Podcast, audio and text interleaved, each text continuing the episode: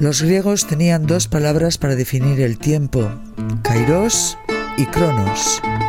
Cronos representa el tiempo cronológico. Kairos, lo que viene con él. Momentos importantes, en lugar de las infinitas posibilidades. Esto es Kairos y Cronos.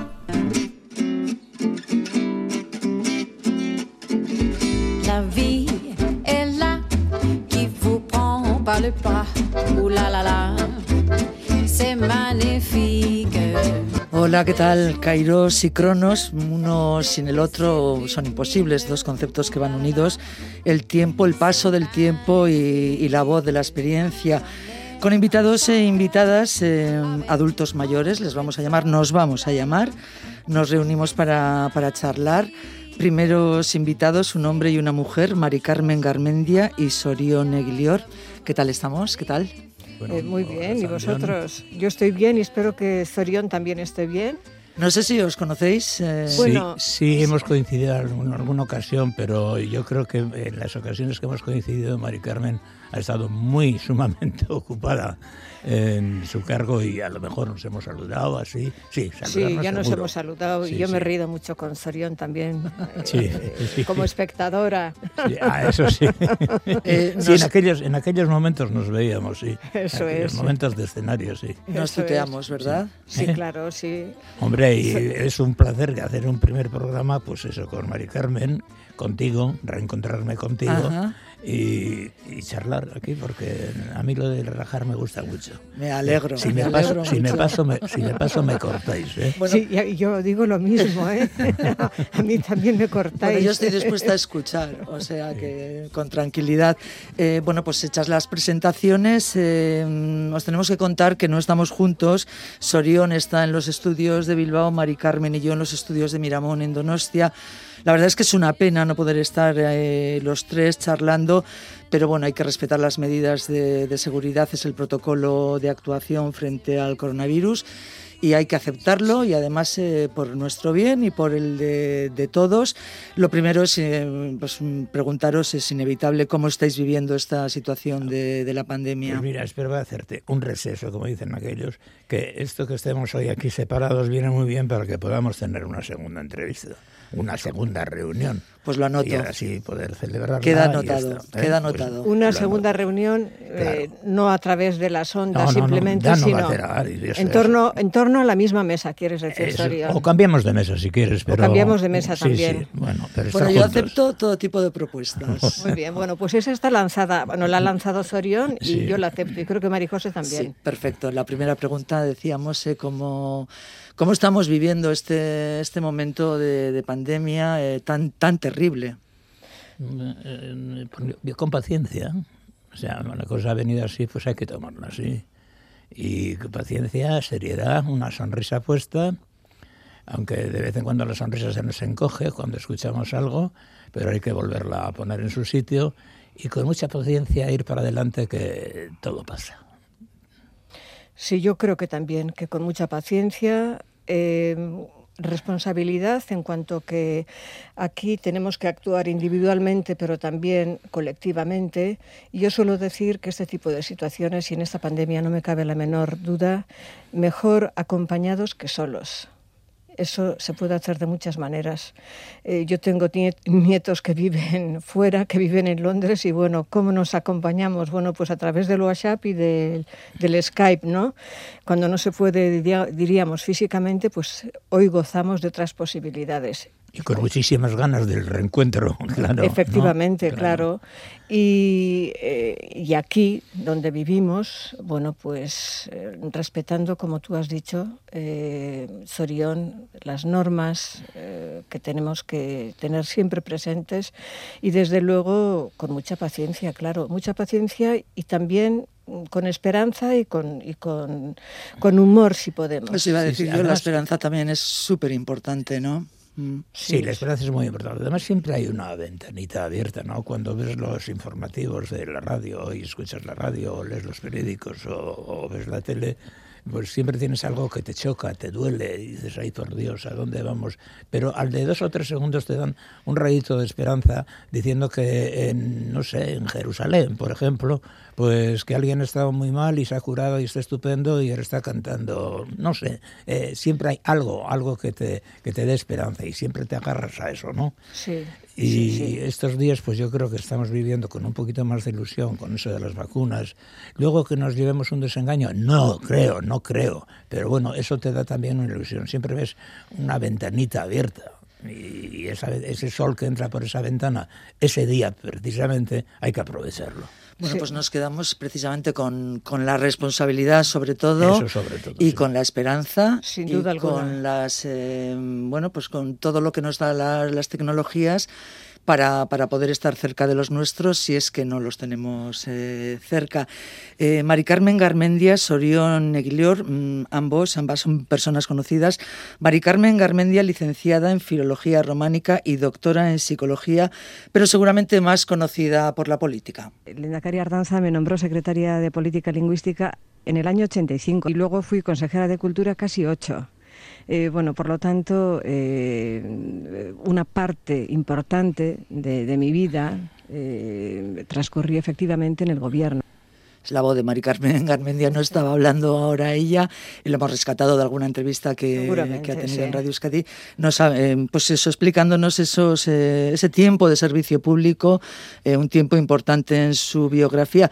Pero yo creo que vamos a dejar un poquito esta faceta para, para un poquito más tarde. Han transcurrido muchos años además. Claro, claro. La, la etapa que ha venido después del gobierno ha sido más larga, está siendo más larga que la que pasé allá, y la etapa anterior al gobierno también fue más larga que la que pasé en el gobierno. Por lo tanto, en mi vida no solo hay ese tiempo, que no lo desdeño de ninguna de las maneras, todo lo contrario, pero bueno. pues vamos a hablar primero del tiempo de después de la política y más tarde hablaremos de la política y después, si nos da más, si nos da tiempo, hablaremos del antes de la política.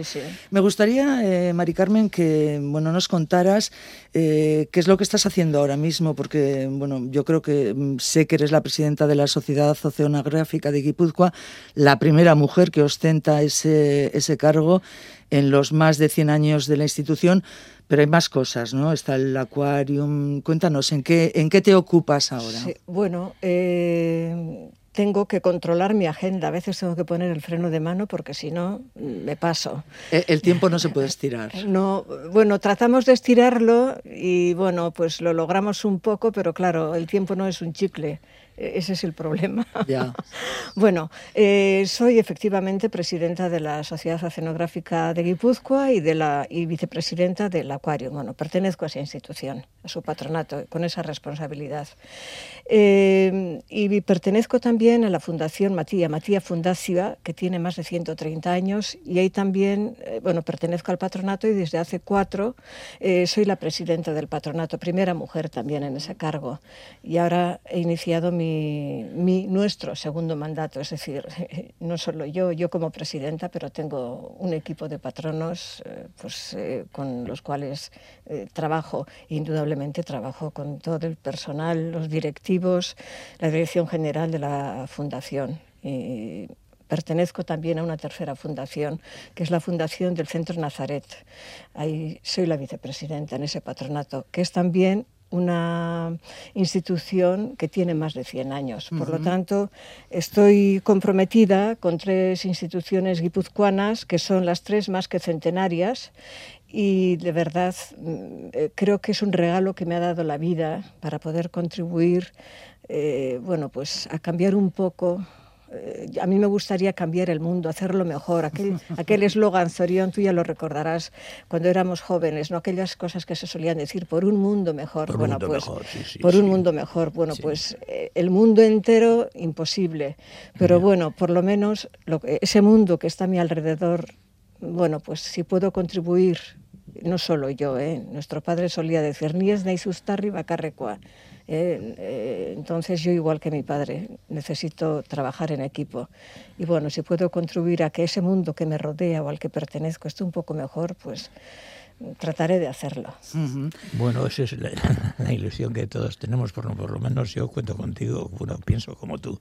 Quiero decir, en, eso. Lo que pasa es que, hija, tú con ese currículum tan maravilloso que tienes, presidenta, presidenta, presidenta. Bueno, Yo no he sido todas esas cosas nunca. Sorión, tú eres ¿eh? un hombre de, de teatro, de cine, de la televisión, la música, la radio. A mucha eh, honra. A mucha honra, por supuesto que sí.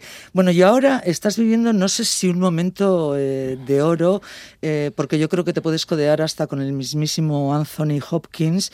Eso dice. Tras ese trabajo en la película El Hoyo del director eh, vizcaíno Galder Gastelurrutia.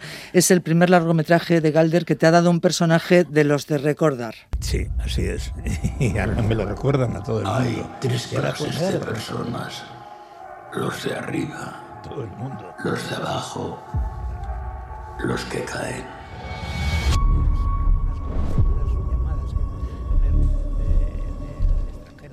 Como puede ser Alemania o...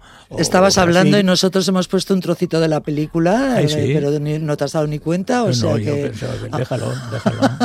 Nada, o sea que, ahora nos lo vuelves a contar. Ah, eh, decíamos que ese, pues ese, ese papel eh, protagonista de Trimagasi eh, que si Anthony Hopkins hizo Aníbal Lecter, tú has hecho esto. Y digo esto de la comparación porque no es broma, porque es verdad, porque ha salido eh, en, muchos sitios, ¿no? Sí, sí, bueno, por ejemplo, la crítica del New York Times era esto, ponía eso.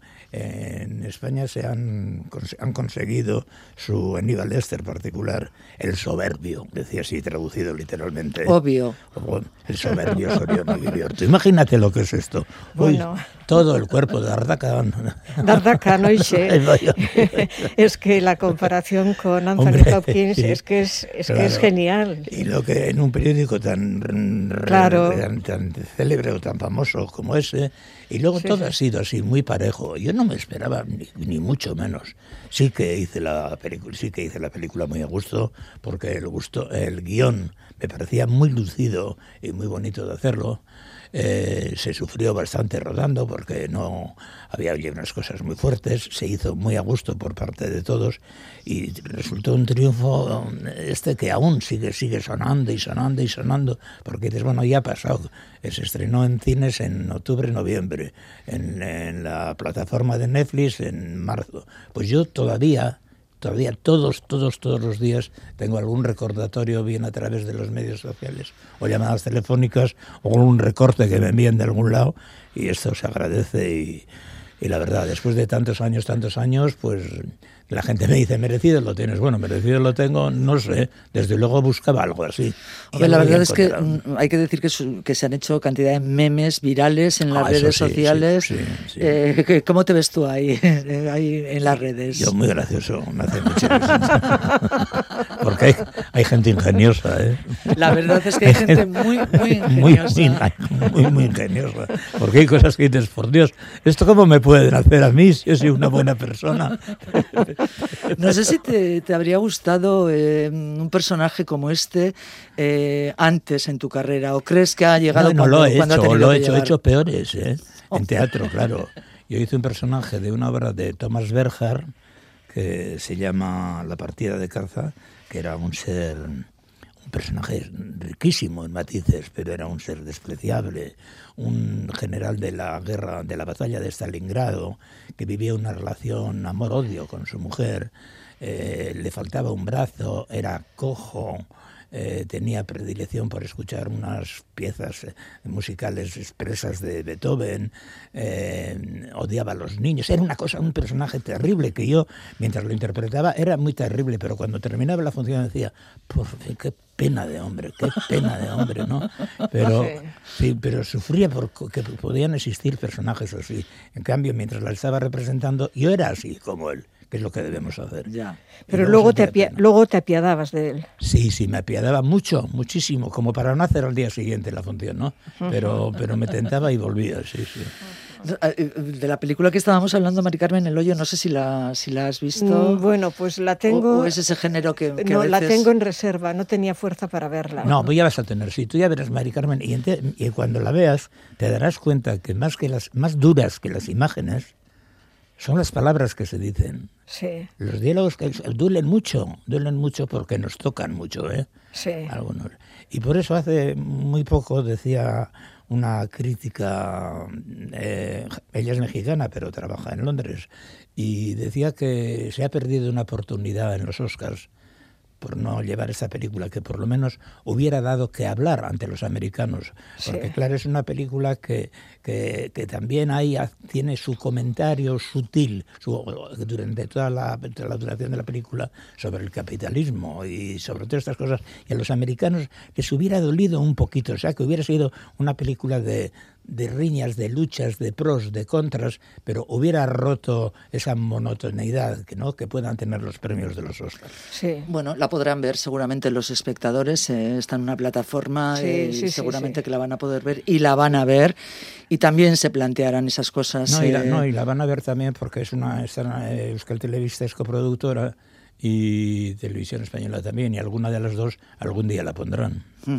Pues la veremos, seguramente, Seguro. sin duda. Yo tengo que tener un poco más de fuerza. Sí. Sí, me llegó en un tiempo, bueno, eh, justo con la pandemia, Sí. entonces, no sé. Ya, ya, que- claro, justo, fue justo. fue Algo más amable. Sí, nos, sí. nos Pues merecíamos mira. o nos apetecía algo más amable, más... Sí. eh, Sí. Cuando, sí. cuando decidas ver, me llamas, Sí. te hago unos cánticos para animarte, Muy bien. el chisto y el tamboril, bailas la jotita y luego ves la película. Bueno, pues eh, es carricasco, Zorian. Bueno, lo que seguramente sí que has hecho, Mari Carmen, es eh, haberte mm, visto a Sorión, lo has dicho antes muchísimas veces en, en otros papeles, en el cine, en el teatro. Es que, Eh, espera, perdón, Mari Carmen era de las que venía a visitarte ocupando su puesto. Claro, venía- claro. Es, Es que, que- hay gente que no te es que eran funciones- en el teatro. ¿eh? Sí, sí, hay muchísima gente que va y se Un chico marcha. que ¿no? debiera venir, que para eso cobra. Ya. Bueno, pues seguramente eran funciones que se estrenaron durante tu época de, de consejera Bueno, de yo, Cultura. para mí fue, en cierto modo, un poco catártico el florido Pensil Zorian. Sí, en Gasteiz viniste a verla. Sí, y bueno, y luego la vi en San Sebastián también. Sí. Y es que era, era mi escuela, era, nue- era nuestra escuela, Zorión. Sí, sí, hombre. Tú eres, tú eres del 46, yo soy del 47 y somos los de la enciclopedia de hijos de J. Álvarez, ¿verdad? señora, sí, Primer señora. grado, segundo grado y tercer grado. sí. Y aquello fue catártico porque la escuela fue dura, pero luego pude reírme. Pues vamos a, vosotros. vamos, eh, Sorión, atento, ¿eh? Eh, Ya que estamos hablando del florido pensil, vamos a poner un, un poquito de cómo empezaba la, la función. Vamos pues, nos lo exige, nos lo manda la voz santa del deber, la voz santa del. Los niños cantando. Tú tocabas el piano, ¿verdad, Sorión? Sí. Sí, sí. Y luego hacías un montón de, de personajes. Ahí todos todos, todos hacíamos un hacíais un, de buen número de personajes. ¿Cómo era aquella escuela, verdad? Es, es la que os tocó Claro, vivir. Sí, yo, era, yo, yo soy de escuela de pueblo, de, Yo- de- de yo la, de dos, escuela sí, sí. nacional parroquial. Vale, Y tú también, ¿no, Zorián? vale, también, De también. escuela de chicos, yo de escuela de chicas. Sí. Bueno, de niños y de niñas. Sí, Sí. Pero separados. Separado, claro, hombre. claro, hombre. Por un lado. Sí. Bueno, yo tengo bueno. que decir que también, ¿eh? A mí Sí. también me, me tocó eso. Te tocó eso. Sí, sí, bueno. sí, sí. Eh, y claro, era la enciclopedia de Álvarez y eran más cosas, evidentemente. Eh, y, y bueno, no siempre, fa- no siempre fáciles. No, no, fáciles no que no que eran, pero es que en, en esa función el, el, el- el aspecto de la época está totalmente conseguido, ¿verdad, Mari Uf, Carmen? A ti- absolutamente. A ti, te llegó, te llegó. Bueno, y, y quiero hacer una parte porque el libro de Sopeña tiene mucha gracia, el libro Sí. original, pero luego la adaptación al, al teatro la hicieron eh, Fernando Bernés y Mireia Gabilondo. Fue genial. La sí. adaptación al teatro fue Claro, genial. y ganó, ganó mucho más, ganó mucho más. Y luego también ahí com- compartimos todos un poquito, todos pusimos el granito de arena, porque todos éramos de la época, ¿no? Claro. Y, y salió aquello tan redondo. Luego se hizo en cine y no funcionó. Pero eh, tuvo, tenía un encanto especial que, que te hacía aquello del como en el tango, aquel canto por no llorar o esas cosas, Sí, ¿no? sí, Pues sí. río por no llorar. Sí, sí, sí, sí. Sí, sí, yo lo, yo lo pasé muy bien. Fíjate, eh, me reí de cosas que me hicieron sufrir muchísimo durante Hombre. bastantes años, pues desde los, desde los cuatro años hasta los 14 o 15, hasta Sí, los hasta 14. los 14 estábamos, Sí, sí. hasta los 14, cuando acabamos con, con el certificado de estudios primarios, donde tuvimos que aprender, yo me acuerdo todavía cómo tuve que memorizar quién era el capitán general de la región de Burgos. Uy, va. Era Muñoz Grandes, creo, Agustín Ah, Muñoz Grandes. Y la Sí. imposibilidad de hablar euskera, Ah, bueno, en nuestro caso, eh, ¿no? sí. ¿Qué? Hombre. Eh, efectivamente, aunque yo no viví en mi pueblo, eh, castigos que vivieron en otros. ¿eh? Yo tampoco, en Mundaca tampoco os viví. ¿eh? No, eh, por ejemplo, mi marido cuenta los castigos que ellos vivían en Verástegui. Eh, bueno, pues eh, había que llevar, si se hablaba castellano, había que llevar los huevos del caserío, que estaban pocos, y además preparados para ser vendidos en el mercado, para obtener algún rendimiento pequeñito, pero algún en rendimiento euskera, económico si se hablaba en euskera, es. claro. Y José María Satrústegui, en el libro blanco del euskera, escribió eh, algo que ocurrió en el año todavía 68, fijaros, eh, que es casi como ayer. Eh, a un niño eh, le cortaron con la aguja del compás el frenillo de la lengua por hablar euskera. Eso está recogido en el libro blanco del Sí, euskera. Sí, hasta muy tarde ha habido casos de Sí, esos. ¿eh? sí, sí. De todas las maneras, eh, Zorión, eh, creo que bueno, no fue fácil nuestra educación eh, por pasar eso de, de- de nuestra lengua primera a la segunda, pues, en fin, de, de aquella manera y tal, y luego los contenidos y cosas de las que no se podía hablar y otras cosas que las tenías que hablar obligatoriamente. Yo guardo los cuadernos de la escuela. Y, por ejemplo, bueno, pues eh, son muy, muy interesantes para ver la propia evolución, ¿no? Cómo empezabas a, a mejorar tu caligrafía, por ejemplo. Sí. Pero no solo eso, también para ver cómo cada 1 de abril se celebraba el Día del Caudillo y el día, perdón, el Día de la El Victoria. día de la victoria. El Día de la Victoria, Sí, lo he dicho mal. puesto, sí. Y el 1 de octubre se celebraba el Día del El Caudillo. Exactamente. y el día 12 de octubre se celebraba el Día de la De la Raza. raza, sí. Eh, y bueno. Y luego eh, había otros. eh, en los el Día de los Caídos era también como fiesta en la escuela. Sí, Y había, nosotros sí. teníamos Ramiro Ledesma Ramos, que era un, un falangista, creo que fue fusilado. Y también teníamos alguna cosa especial había que hacer en la escuela. No sé si cánticos, aquellos cánticos Sí, que, que lo- sí. no sé, algo, algo especial. Y había muchos, muchas fiestas de esas muy, muy ensalzando la labor Sí, de. y, sí. y bueno, yo sabía de memoria, como yo, se acordarán también compañeras mías de entonces, eh, el día del caudillo, Franco, Franco, Franco, tres veces escrito, Sí, ¿verdad? Igual sí, que las sí. máquinas, Sí, sí, sí, sí, eh, las máquinas que tiraban de los trenes de la Renfe, eh, que ponía tres veces también Franco, Franco, Franco. Franco es el jefe del Estado español. Él manda y nosotros obedecemos. Sí. Eh, viva España, arriba Franco. Y eso lo escribíamos cada año. No, arriba España, viva Franco, no era al revés, ¿cómo era? O, o viva, eh, viva Franco y arriba España, bueno, Ahora- igual... Ahora ya me queda la duda. Da igual. Bueno, El pero orden- bueno, el era- orden de era- los factores. Eso es, el orden de los factores, pues no eso. el producto, el Exactamente, mismo, desde luego. eso es. eso es. Sorión, eh, tu nombre le sonaba raro en, aquel, en aquel Uh, momento en la, Yo he en la pasado escuela. por todo, mira. Eh, claro, como que a mí cuando fui a escribirme, cuando fue a escribirme mi padre, cuando nací, claro, te cuenta, mi padre había venido después de cumplir tres años de cárcel eh, y, y cla- y- y claro, la novia que estaba esperando, pues ya se casaron y nació en el tiempo prudente. Y cuando fue a escribirme, pues dijo Sorión, que era una idea de mi madre, no sé dónde había oído que si no sé quién del Anchove se llamaba Sorión, pues ese, pues ese. Y fue y le dijo a quien había que decirle Sorión, Sorión, ¿y cómo le pongo? Pues como quieras, como quieras Sorión. Y me dice, felicidad. Pues pon felicidad. Y- así le van a confundir y no le van a llamar para la mili, porque van a creer que padre, "Tan- tanto mejor, ponle felicidad. Pero luego fuiste a la mili, Sorión. Eh, ¡Hombre! O sea que no hubo confusión alguna. Pero ¿sabes lo que pasa?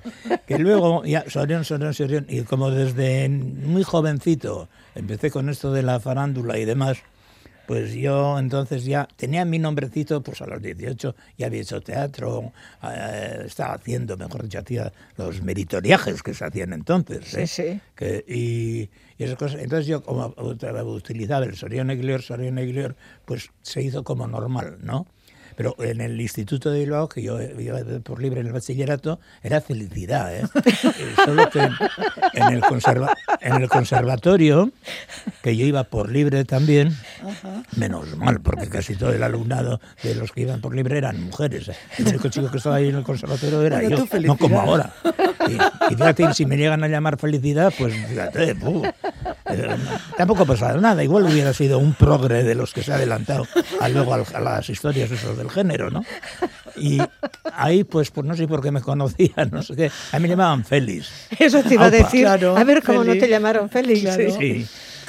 en resumidas cuentas, que es lo mismo, la traducción feliz, feliz de felicidad, pues ya está, ¿no? Yo estaba en la radio, bueno, estaba, sí, estaba ahí en la radio cuando la ley esa nueva de seguía, seguía siendo sereno y para todo el mundo y nadie me preguntaba, ni, ni se hacían preguntas.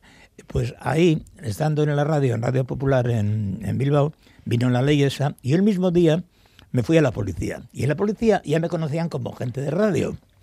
Y entonces me dicen, para mañana mismo tienes el carnet de cambio. ¿Cómo? Porque entonces había que hacerlo en Madrid y tal. Oye, pues es verdad, al día siguiente lo tenía, y era Osorio. Eras conocido. o sea, que te aplicaron un enchufe. Sí, sí, sí, sí. O sea, que hay cosas que, cosas que vienen bien. ¿no? Amigos hasta en el infierno, que se dice. Pero es gracioso. Felicidad y gloria. No, claro, yo, yo ¿cómo yo voy a hacer caso a aquello? ¿Quién será este? ¿Algún pariente, alguna pariente mía? Sí. Vamos a hacer un pequeño alto en el camino. Yo les he pedido a nuestros invitados que me elijan unas canciones, las escuchamos un poquito por lo menos y me contéis eh, por qué, por qué las habéis elegido.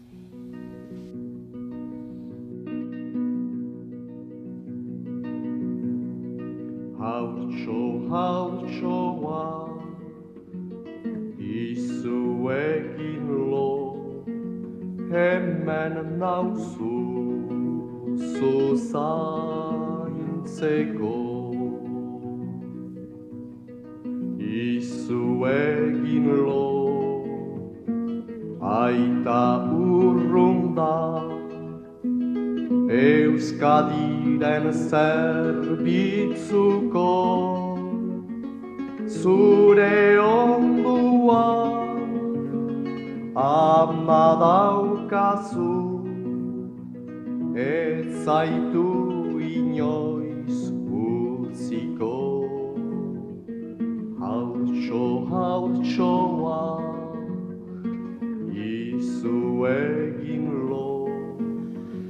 la primera canción que escuchamos la ha elegido Mari Carmen Garmendia. Sí, es Michelle Beguerí. Y eso me lleva, yo creo que al año, yo diría que al 62 más o menos. Fue una novedad, eh, aparte de que la canción es preciosa, eh, fue una novedad impresionante eh, que pudiéramos escuchar a un cantante con guitarra en euskera. Yo había estado previamente en Francia, del 60 al 61, un año que me marcó profundamente en mi vida. Y bueno, pues allí descubrí en, mi estancia en Francia, eh, me mandaron allá para aprender francés, eh, descubrí eh, la, chanson, el chansonnier. Entonces, que lo que yo descubrí en francés pudiera después escucharlo, quiero decir, ese estilo de música, las canciones, bueno, pues recordando Georges Brassens, etcétera, en euskera fue maravilloso. Y hay que decir que eso, eso que hizo Michel Aveguerí hizo su camino porque muy poco tiempo después ya tuvimos a Ezdo Camairo con todo lo que eso significó.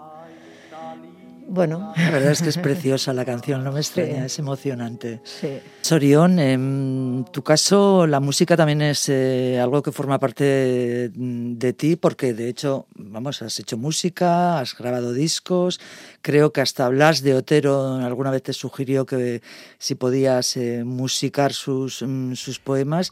¿Cómo, ¿Cómo fue ese camino pues musical? Porque creo que además en tu casa ya había ese ambiente, ¿no? Pues en mi casa desde, desde que nacía ya uno tocaba el violín, el otro tocaba el piano, el otro cantaba, el otro tocaba todo, todo, En mi casa estaba siempre rodeado. No había para, igual para comer carne, filetes y otras cosas, igual un domingo o de 15 en 15, vaya usted a saber.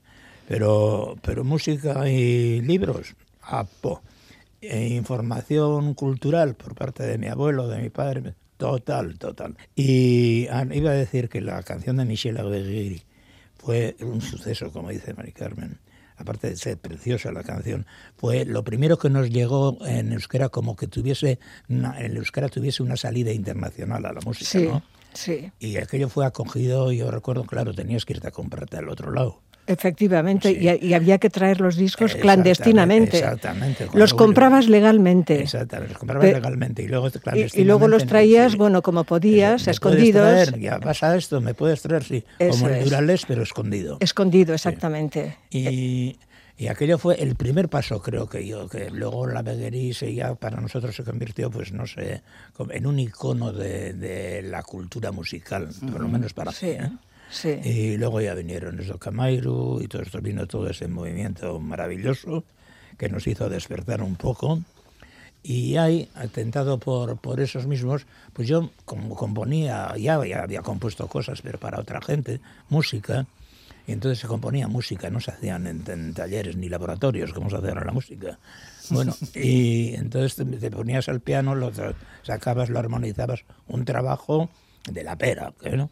Pero bonito. Entonces yo hice, conocí a Stichu, y entonces Stichu y a la familia empezamos a hacer canción más, eh, no tan profunda, o sea, aunque la letra fuese, estuviese llena de utopías en favor del euskera, de, de, de mensajes clandestinos, ¿no? Una música más pop, más, más para la juventud, que con toda la buena intención, ¿eh? queriendo que aquello entrase no solo por, por, por lo que se decía, sino también que contagiase a la gente, que la tararease sin saber por qué y luego se preguntasen. Toda esta novela nos inventamos, pura utopía, que luego no tuvo ningún resultado satisfactorio. Bueno, pero no voy a ser negativo. Pero grabaste, Y- grabaste varios grabé discos, mucho, ¿no? hombre. Yo fui el Ajá. único que grabó con una multinacional. Ajá. Yo grabé con la EMI de tres discos. El Visites de Euskera, que funcionó muy bien. Y bueno, pero eso también me echaron en cara. Yo qué culpa tengo que me contrate una multinacional. Que yo tampoco sabía que era multinacional aquello. Al hilo de lo que estás comentando, ¿Eh? Serión, me viene a la mente un hallazgo que he hecho en mis papeles. Estoy ordenando Sí. mis papeles porque, claro, se se van a papeles, cartas, muchas cosas, se van amontonando y hay que ver qué es lo que hay, qué es lo que hay que guardar y qué es lo que hay que retirar o donar o, o quemar, reciclar, eh, más bien. Eh, me encontré hace unas semanas con un artículo escrito por don Carlos Santamaría en el año 63. Yo creo que don Carlos Santamaría solía escribir, es un recorte, ¿eh? no pone el periódico en el que está escrito, pero solía escribir, eh, creo yo, en el diario, en La Voz de España entonces. Sí, lo del diario Vasco de antes, sí. Sí, Diario Vasco y Voz de España Sí, convivieron, la Voz de dos y luego España. quedó, sí, eso exactamente. es, eso es.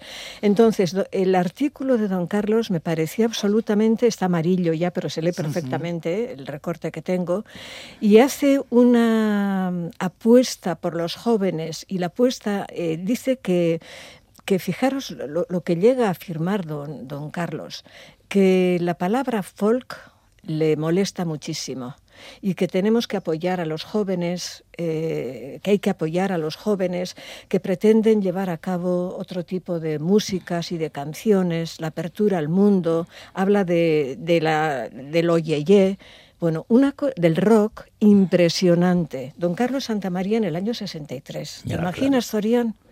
Yo lo recorté entonces por lo que se ve, Sí. porque me ha aparecido en recortes de Sí, ese porque, tiempo. porque estabas de acuerdo. Claro, y este era muy señor, inspirador claro, porque, claro. viví también la otra parte. Viví la parte de. Yo me estaba preparando para. Hice, primero hice magisterio para, para trabajar en las Icastolas y vi también la parte de, de Elvira, Conservadora, de- conservadora digamos, de sí. Elvira Cipitria, que expulsó a una compañera mía de las prácticas que estaba haciendo con ella en su Icastola, en Fermín Calvetón, en Donosti, porque se enteró que en la residencia donde nos preparábamos para ser andereños eh, recibíamos clases de guitarra. Ah, Entonces, La maldad. Eh, Sí, la maldad, la bueno, bueno, pues, pues el eso. miedo a lo desconocido. las, dos las dos caras de la moneda, ¿no? Eh, lo- los que pensaban como Elvira, que era una especie, diríamos, eh, de negación, de, de- de- de- no sé, no sé cómo llamarlo, y de Don Carlos, abierto. Bueno, don Carlos era una gran personalidad eh, intelectual y, y, un hombre cristiano de grandísimo compromiso. ¿no? Eh, la apertura de don Carlos escribiendo esas cosas y firmándolas en el 63 me parece una maravilla. Sorión, vamos con, sí. con tu primera canción.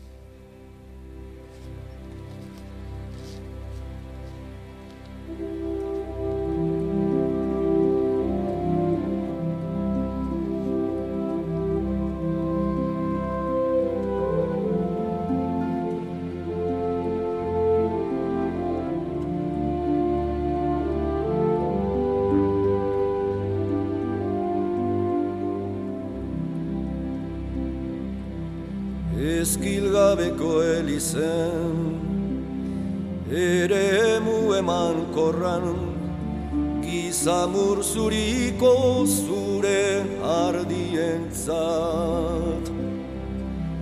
Oi baldo horba Oi baldo horba. Eguzkieta izeidor Matzardo ibai galburuarena Lur gorri harri landu Mailu eta xixelaren kantu. Kigitarra mazko alakiketan Armeniako kanu abotxurratuan Benito Lerchundi, preciosísima canción también.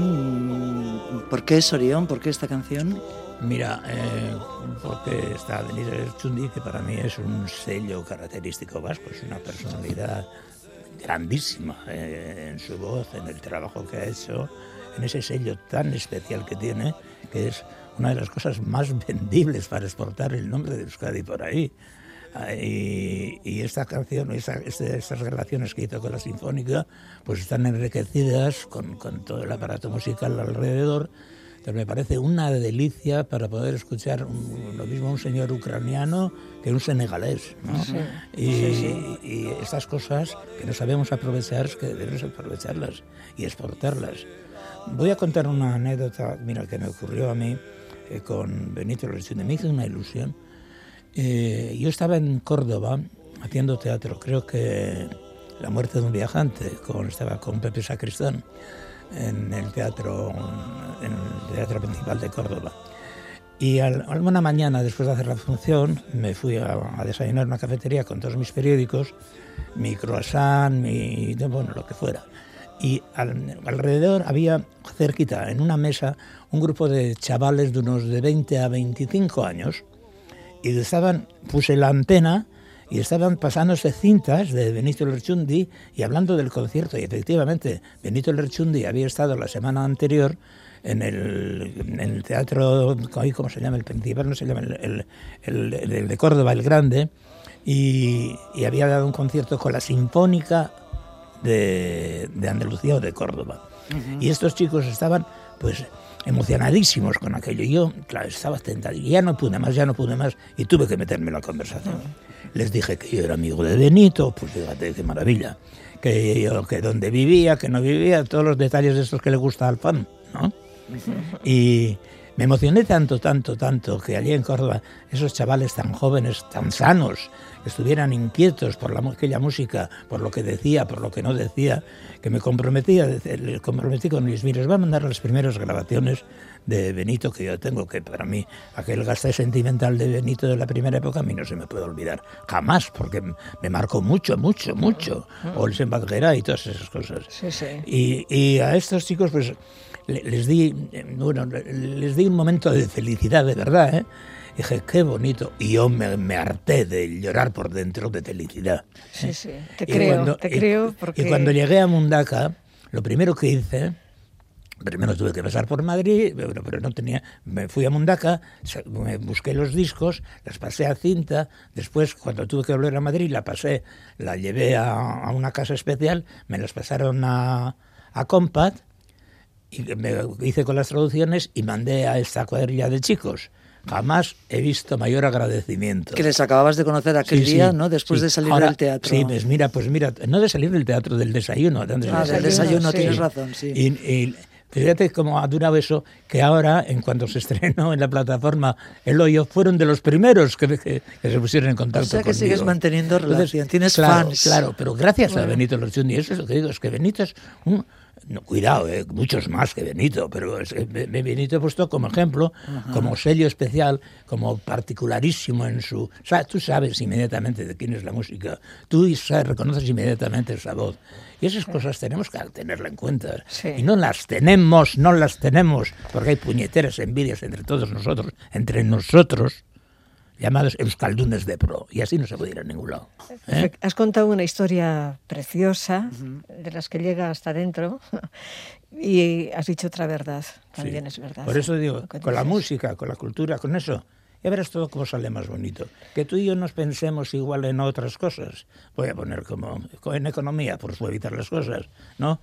Pues bueno, no seremos, eh, pensaremos igual en la economía. Pero mira, esto va a ayudarnos a que tus encuentros con los míos o nuestros encuentros sean mucho más relajados. Sí, sí, sí. Y es compartir eh, el acervo cultural que eh, parte de aquí, que, que ha sido creado aquí, pero como bien has dicho, puede ser estimado y sentido Ya. por cualquiera del en cualquier mundo. otro lugar Ya. de- del mundo. Recuerdo hace años, cuando que también hice man- una misma maniobra a un señor andaluz, era mayor que yo, pues le llamaba, estaba yo en la radio, eh, eh, como aquella canción, la canción de cuna de Xavier Lete, la de Orcho, mm, Sí. la, del, la del gitanito, bueno, la Sí, de- sí, sí, sí, sí. A, a la del niño andaluz. Sí, Y le expliqué cómo, y le conté, ay, qué emoción le hizo a aquel señor que era gaditano. sí. ¡Qué emoción! Y, y- y se la aprendió de memoria, no sabía ni lo que decía, y se la cantaba en euskera con un deje gaditano, que era una maravilla. Sí. O sea que son cosas que te enriquecen. Hablando, hablando de lugares, eh, Sorión, mm, te digo Mundaka y a Mari Carmen le digo Ormaiztegui, dos pueblos pequeñitos, uno precioso en la costa vizcaína, el otro del interior de, de Guipúzcoa. Muy bonito. ¿Cómo vivíais? ¿Cómo era esa vida de, de niños en- con vuestras familias? Eh, ¿Cómo lo, cómo lo recordáis? Yo muy bonito. Yo Mari con Carmen mucho, Asia, sí. con mucho afecto. Cuenta. Era una vida muy comunitaria. Eh, En, en mi caso, Armaiztegui no tenía entonces mil habitantes. Mundaka sería un poco mayor, Zorión. Con, con Mundaka, sí, mil y pico tendría, ¿no? Sí. Sí, ahora tampoco tiene muchos más, dos mil aproximadamente. eh, ya.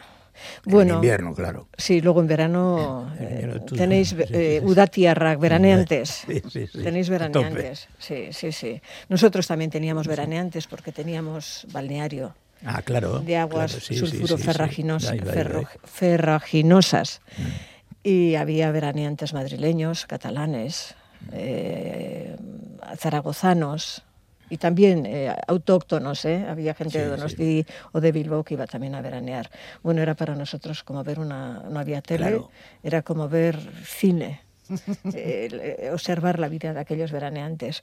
Bueno, yo recuerdo con afecto eh, una vida, yo diría que, bueno, eh, la he calificado como comunitaria en el sentido de que las distancias eran muy, muy pequeñas en todos los sentidos.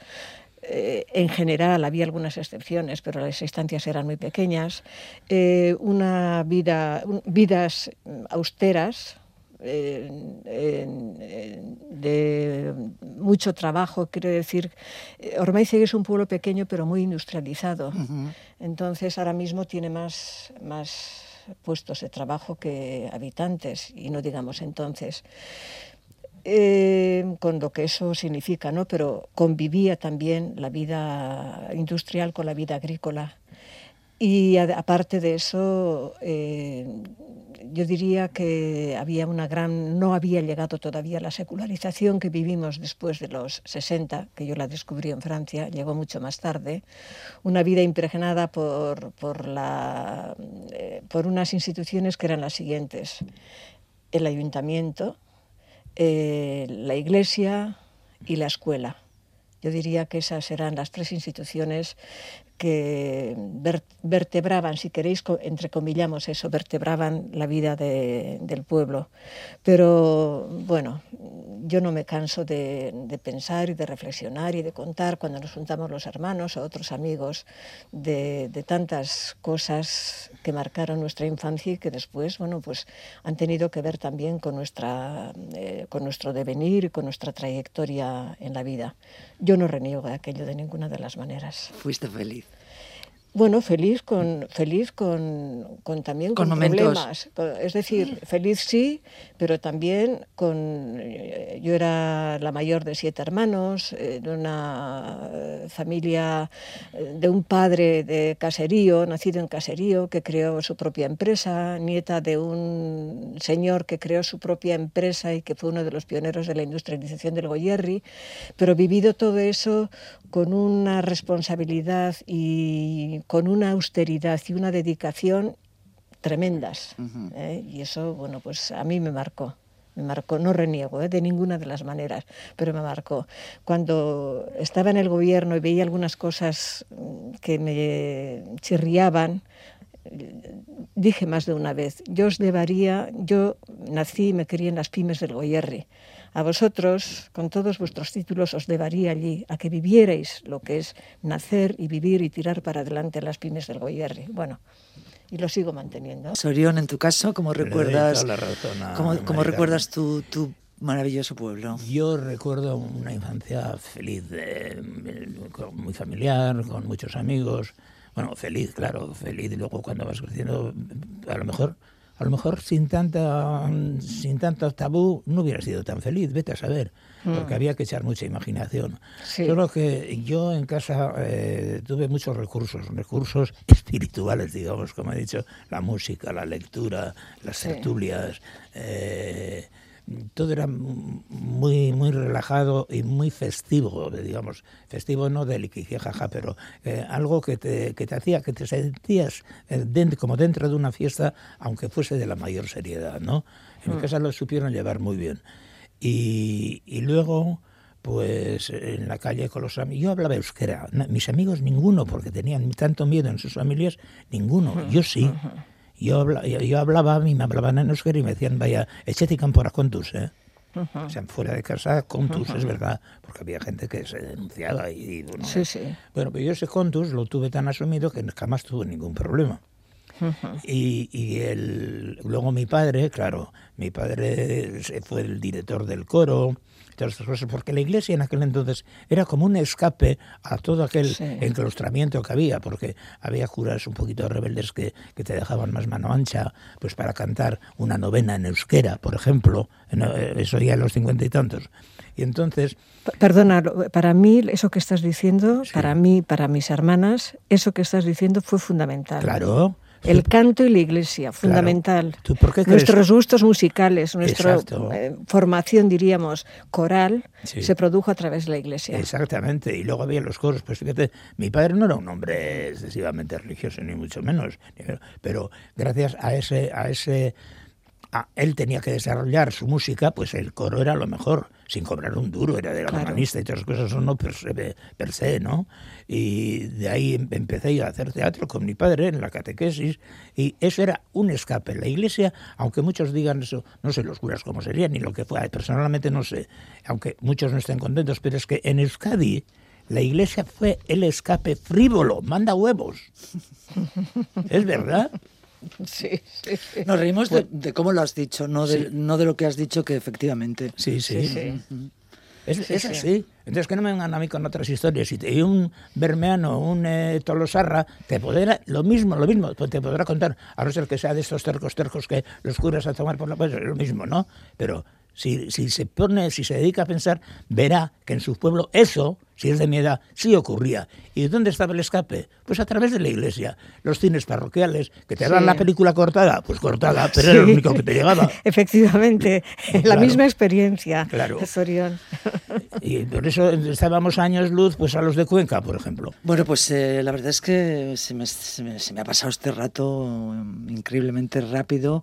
Nos hemos dejado tantísimas cosas en el tintero. Yo quería hablar de, mm, con Mari Carmen, por ejemplo, pues de su época de, de profesora.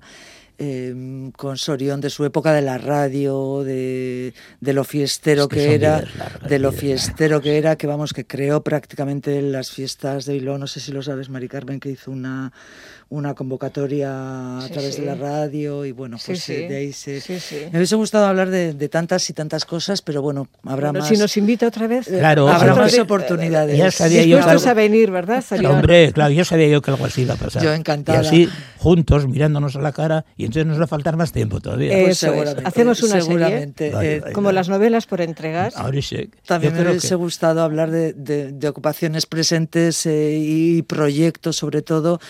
Y bueno, lo que es eh, el paso del tiempo llegando a cierta, a cierta edad. Eh, yo lo decía, lo de adultos mayores, con todo el cariño, y cómo, cómo tenemos que afrontar la vida, cómo tenemos que igual desterrar mitos de, sobre la vejez. Yo eh, diría, yo diría que no al edadismo, esa palabra que es de la OMS, pero que se utiliza mucho ahora. Eh, yo diría que tenemos que cuidarnos mm, y querernos, muy, muy importante, querernos, eh, ser activos físicamente, culturalmente, socialmente y desde luego eh, eh, hacer que las cosas la- las vivamos intensamente, aun las más sencillas. Eso es vida. Eso que se suele decir que casi es un tópico también, ¿no?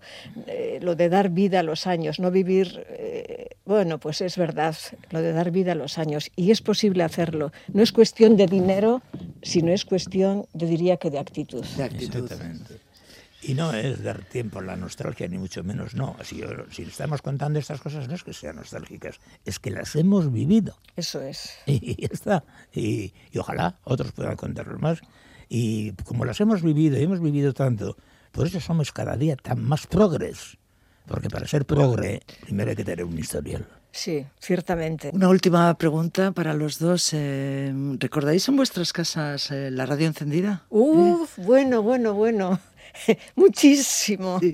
muchísimo, mucho, mucho, mucho. La radio, La radio, yo bueno, lo más, lo más. Lo más, lo más. Es lo más, lo que más la radio. Eh, radio Segura, Radio Loyola, Radio Nacional de España y en Radio Nacional de España, ah bueno, y en casa de mis abuelos, por una tía que era muy vaticanista, Radio Vaticana todas las noches para rezar el rosario. Sí, pues sí, sí. sí, importantísima la radio. En, en- en casa, en mi casa siempre también la, la radio, pero primero en las primeras épocas la SER con sus novelas maravillosas Ah, también. uf. Amarrosa, Amarrosa, Ah, sí. Amarrosa, ¿de dónde era? Era de la SER, de ¿verdad? la SER. Unos Sí. montajes maravillosos. Maravillosos. Con unas interpretaciones geniales. Geniales, sí. La ficción. José Luis, la José ficción. Luis Becker, Becker, eh, sí, sí. luego había unas donostiarras, eh, hay, una de ellas se fue monja. Petrita, Petrita Tamayo. Ah, Petrita Tamayo, Sí, sí, efectivamente, sí, sí. Petrita Tamayo, sí, sí, eran maravillosas. Bueno, Era guapísima, además. sí, bueno, qué gente más maravillosa. Y luego, eh, después de eso, ya en otros tiempos, ya, en las épocas de, de Radio Popular de Loyola. Claro, Segura, Radio Popular de Loyola, bueno. Eh, luego ya vinieron las, las, ondas, las cadenas populares, Sí. luego se convirtió la COPE y todas esas cosas. Sí. Yo sigo, yo sigo con la radio. Yo tengo además Yo también, yo también. Yo cuando, yo cuando estoy en Mundaca, yo me voy a la cama antes, porque quiero oír el programa de Roger en el en Radio Euskadi. Sí, sí, sí, sí, sí, pues me Y parece con muy el bien. viajo en la imaginación. Ayer Sí. estuve en Mongolia, por ejemplo. Muy bien, muy Y- bien. Muy bien, me parece muy bien. Y luego para otras cosas pongo Euskadi la, la 2 o la de castellano. Para otras cosas pongo Euskadi 1. Yo también, voy seleccionando. Voy seleccionando. Sí, yo también, pero para mí es una, sí, sí, yo también, mucho, mucho, mucho. Bueno, pues eh, ha sido un auténtico placer eh, charlar con, con vosotros, terminar eh, hablando de la radio, porque esto es un programa de radio para acompañar también. Eh, muchísimas gracias por, por haber estado aquí con, conmigo, con todos nuestros oyentes. En la técnica, Miquel Olazábal, gracias Mari Carmen Garmendia, gracias Orión Eguilior. Y gracias a ti, Marijose. Gracias a ti, eso, Marijose. Y a Muchísimas ver, gracias. que El tengas Y a saludo Miquel muchísima por la técnica. de muchísima Villaverde. Un abrazo fortísimo y nos volveremos a ver o a, ver, escuchar. a- a Hasta cuando quieras, escuchar, todo, eso es. just craving your kiss. I'm longing to linger till dawn, dear, just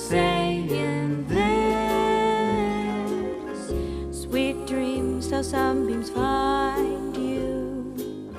Sweet dreams that leave all worries behind you. But in your dreams, whatever they be, dream a little dream of me.